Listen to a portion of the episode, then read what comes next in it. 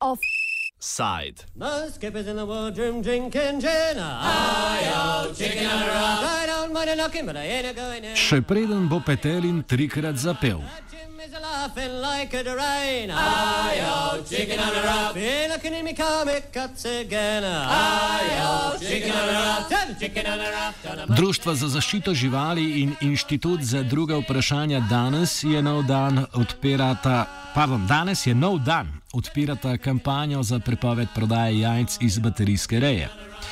Po podatkih Ministrstva za kmetijstvo je bilo v Sloveniji samo v letu 2016 znešenih 387 milijonov jajc, v povprečju pa je prebivalec v enem letu zaužil 10,7 kg jajc.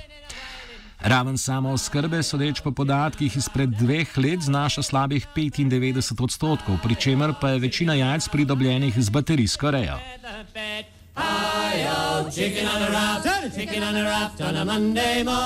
Začenjamo s predstavitvijo kampanje za prepoved prodaje jajc iz baterijske reje. To nam kratko predstavi Nika Bakovnik iz Društva za zaščito živali.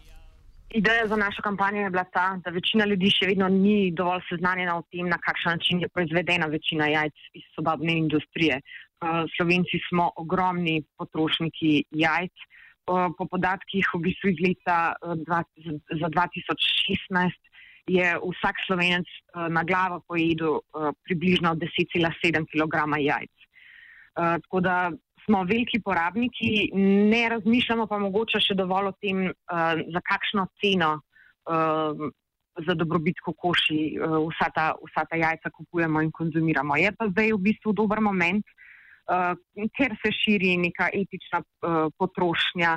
Um, to pač postaja vedno bolj popularno in mi smo pač razmišljali, da je pač ustrezen moment, uh, da bi šli v to kampanjo. Uh, kampanjo smo pripravili v partnerstvu z Danes in Ovdan, inštitutom za druga vprašanja. Gre pa predvsem za, uh, v osnovi za spletno peticijo in spletno kampanjo, uh, preko katere v bistvu nagovarjamo tr glavne trgovske verige, da se zavežejo odpravi jajc iz baterijske reje iz svoje ponudbe. Tako da s to peticijo bomo pa uh, nagovarjali uh, potrošnike uh, in v bistvu pač poskušali tudi uh, njim nekako dati v razmislek, uh, na kakšen način te kokoši živijo uh, in mogoče jim predstaviti pač alternative. Ker, uh, Ne pomeni to, da je pač potrebno vse jajcem popolnoma odpovedati, ampak lahko v bistvu že en tak majhen korak, kot je to, da se odpoveš jajcem iz baterijske reje, uh, en korak naprej. Poznamo štiri prevladujoče načine reje kokoš nesnic. To so baterijska, talna, prosta in ekološka reja. Začnimo s prevladujočo baterijsko rejo, ki je ime dobila po majhnih kletkah, v katerih so nastanjene kokoši. Površina teh namreč meri zgolj 750 kvadratnih centimetrov. Baterijsko rejo nam eh, na kratko opiše Nina Bakovnik iz Društva za zaščito živali.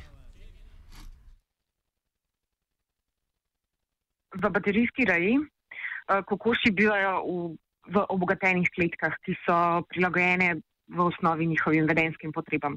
V bistvu pride na vsako kokoš 750 kvadratnih centimetrov, kar pomeni, da se na enem kvadratnem metru gužva maksimalno 13 kokoši. Tako da to je to. Manj sicer zagotovljen tudi krmilnik, napajalnik, gnezdo za nesenje jajc, so gred in nastil, uh, ampak to je v bistvu to. Mizerni pogoji, v katerih živijo kokoši v baterijski reji, so bili pred letom 2012 še nekoliko slabši. Pred šestimi leti je v veljavo stopila Evropska direktiva, ki je postavila nove standarde reje kokoš nesnic. Sprememba je zadevala predvsem upeljavo tako imenovanih obogatenih kletk, ki poleg malenkost večje površine zagotavljajo tudi nekaj drugih dejavnikov, ki izboljšujejo življenje kokoši v kletkah. Več o spremembah zakonodaje leta 2012 nam pove Nina Bakovnik. Na prvi točki je, uh, je bila Evropska direktiva. V bistvu po Evropski direktivi od leta 2012 ne uporabljamo več običajnih kletk. To je bila, to je bila ta razlika. Mi smo v bistvu uh, iz običajnih kletk, ki so imele na voljo še manj prostora za eno kokoš, okrog 500 uh, kvadratnih centimetrov, uh, je Evropska direktiva nekako uh, zapovedala. Eh, minimalne, uh, minimalne standarde za rejo kokoši in to številko dvigala na 750. Tako da v bistvu uh, takrat se je sicer govorilo o prepovedi baterijske reje, ampak tukaj gre za prepoved klasične baterijske reje, še vedno je pa dovoljena baterijska reja v obogatenih kletkah.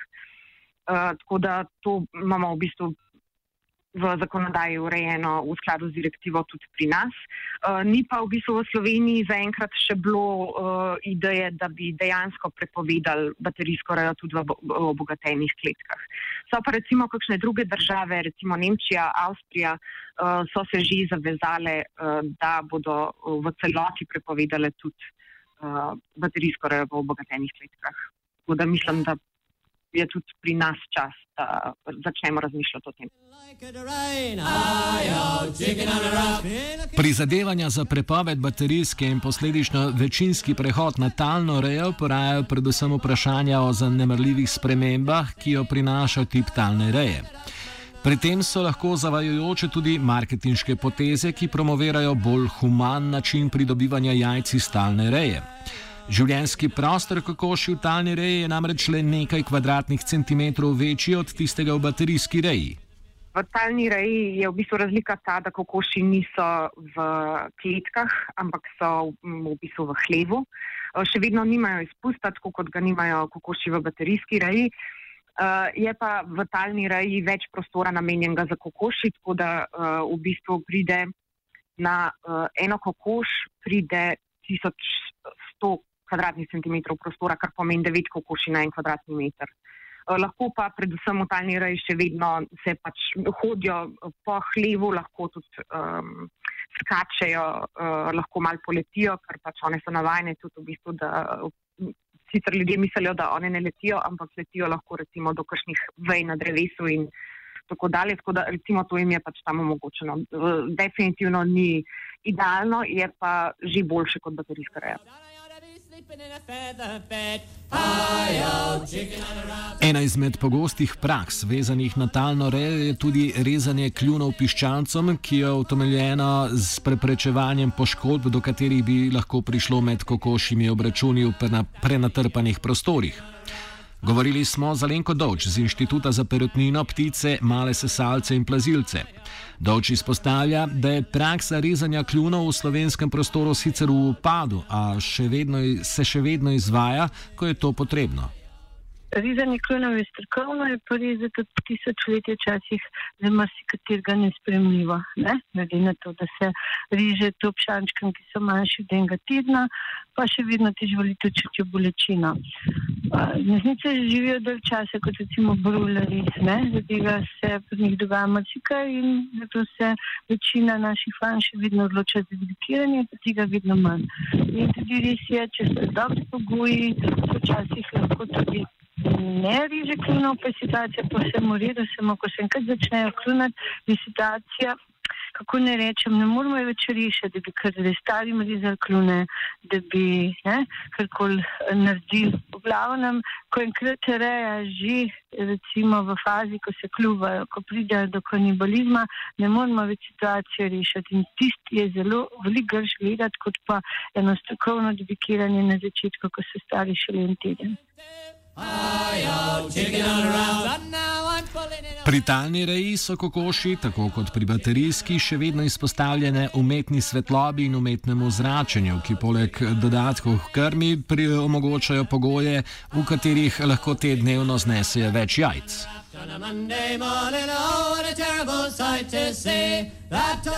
On stran romantične podobe prostore prav tako ne prinaša drastičnih razlik v osnovnem življenjskem prostoru kokoši. Vsaki kokoši pripada 1100 km2 prostora, kar je enako kot pri talni reji. Edina razlika je zgolj v tem, da imajo kokoši zagotovljen občasen izhod na odprt prostor. Najbolj očitna razlika z vidika dobrobiti kokoši lahko tako najdemo le v ekološki reji, kjer je kokošim zagotovljena stalna paša na odprtem prostoru. Chicken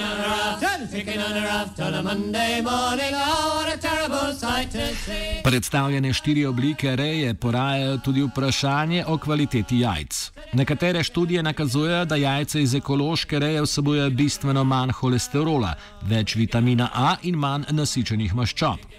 Alenka Dovč izpostavlja, da v sami kvaliteti jajc ni bistvene razlike, predvsem če primerjamo jajce iz baterijske in talne reje.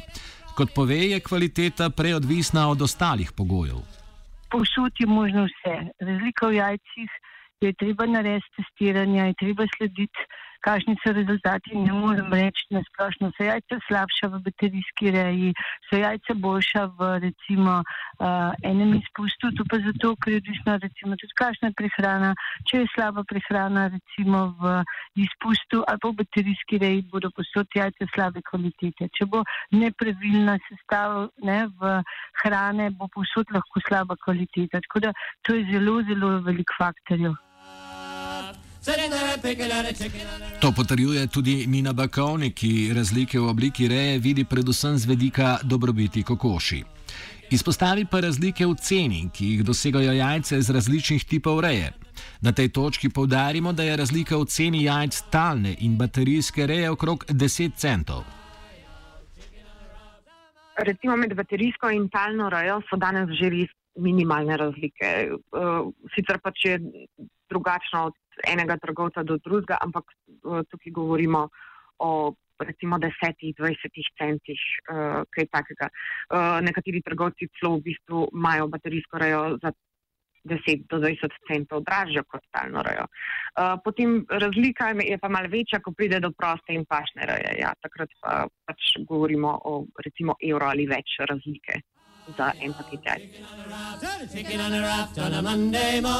Sodeč po slišanem naj vašo izbiro pri nakupu jajc med kategorijami nič, ena, dve in tri prej pogojujejo vaša etična načela kot kakovost jajc, ki je v vseh tipih reje podobna.